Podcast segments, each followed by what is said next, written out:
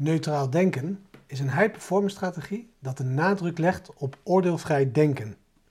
Boek It Takes What It Takes van Trevor Moawad. Een belangrijk idee in dit boek gaat over neutraal denken.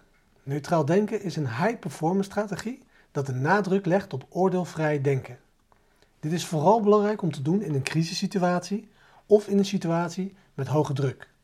Een belangrijke reden waarom dit idee bij heel veel high performers goed aansluit, is omdat het werkt.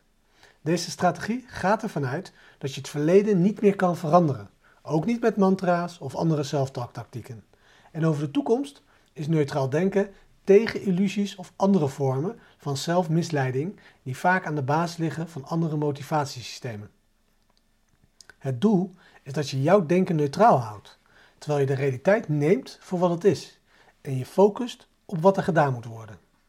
Het is duidelijk dat je op dat moment niet negatief denkt, maar wat minder voor de hand ligt, is dat je op dat moment ook niet positief aan het denken bent.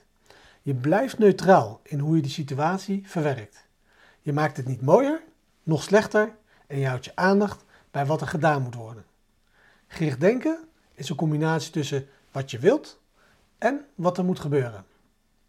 Het idee sluit aan bij iets dat andere toppresterende gurus ons vertellen om te concentreren op het proces en de taak die voor ons ligt, in plaats van te klagen of te fantaseren over de resultaten, maar nu geen actie ondernemen. De vraag die ons helpt om van slachtoffer naar schepper te gaan, terwijl we toch geaard blijven in de werkelijkheid en ons voorbereiden om ons te concentreren op wat er gedaan moet worden, is: wat wil ik?